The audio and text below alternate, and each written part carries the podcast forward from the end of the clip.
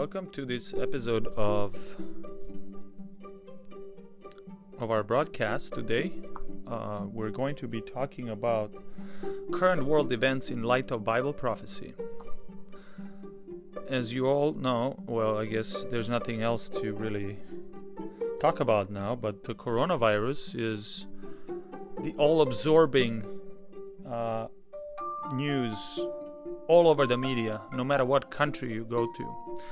I have, as some of you know, I have parents in Serbia, and starting tomorrow, there's a new law that forbids anyone 65 plus to leave their house. And if they leave their house and they are stopped by police, they will be fined with almost $1,500.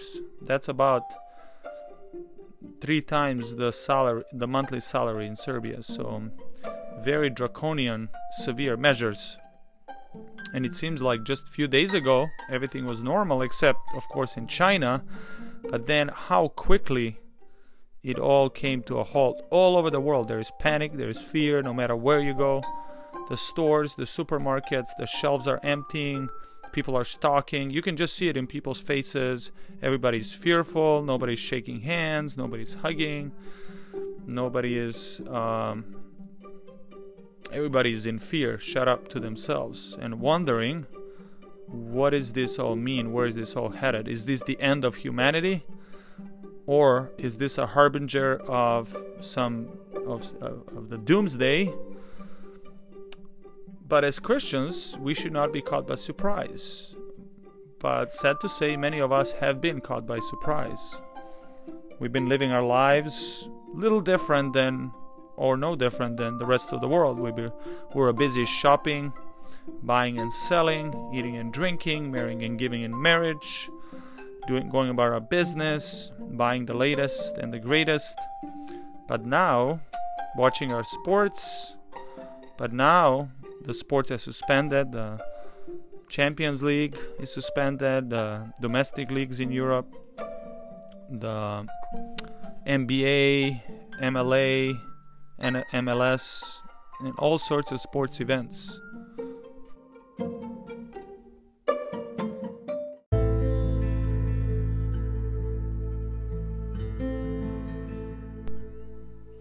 Well, welcome, friends. Uh, I'd like to talk to you a little bit about what everybody has been talking about, but from a slightly different angle. We're going to talk about the coronavirus pandemic in light of Bible prophecy. So, virtually every country has uh, made some measures or restrictions about uh, traveling and movements. Uh, for example, Serbia, uh, one of the smaller countries in Europe, has um, a new law starting tomorrow that anybody 65, 65 or above will be heavily fined if they're found to leave their house with about $1,500. And uh, that's about three times the monthly wages. So, very draconian measures. Uh, of course, Italy has been on lockdown, movements have been restricted, people have been uh, stuck in their homes. Only very few restricted uh, uh, leaves have been allowed, such as running to the store or pharmacy or something like that. But more than even the virus itself, there's been a lot of fear, a lot of anxiety. A lot of people are wondering what does this all mean and where does it all lead? And that's what we want to explore. Does the Bible have anything to say about um, the current situation. And what does it all mean? Well, if you remember, uh, on the Mount of Olives, Jesus gave a, as an answer to a question, gave a scenario of the last days or the final events before he comes back. And so the disciples asked Jesus, Tell us, when will these things be, and what will be the sign of your coming? And of the end of the age. This is Matthew 24 and verse 3. And the Bible says, And Jesus answered and said to them, Take heed that no one deceives you. For many will come in my name, saying, I am Christ, and will deceive many. And you will hear wars and rumors of wars. See that you are not troubled, for these things must come to pass, but the end is not yet. For nation will rise against nation, and kingdom against kingdom. And there will be famines, pestilence, and earthquakes in various places. All these are the beginnings of sorrows. So notice carefully, Jesus here gives a scenario of some of the events to be expected, and we already have been witnessing um, huge fires in California and Australia, earthquakes recently in Puerto Rico, hurricanes, um, and all kinds of uh, disasters around the world. And now, of course, with the coronavirus. And here we see the Bible mentions famines as one of the signs of the last days or pestilence. And so notice how Jesus concludes and says, These are all the beginning of sorrows. And the Greek word behind the word sorrows means birth pain or labor pain. And any female who has given birth uh, knows that the closer to the delivery of the baby, the pains are more frequent and they are more uh, intense. And so, yes, uh, skeptics will say, yeah, there, there's always been disasters. I mean, all throughout human history. So you can't say that, you know, just because we have disasters uh, now that that's some sign. But if you look, uh, there's an interesting uh, study done by, um, know, I'm pulling it up right here, right now, by I believe it's yes, it's Oxford University.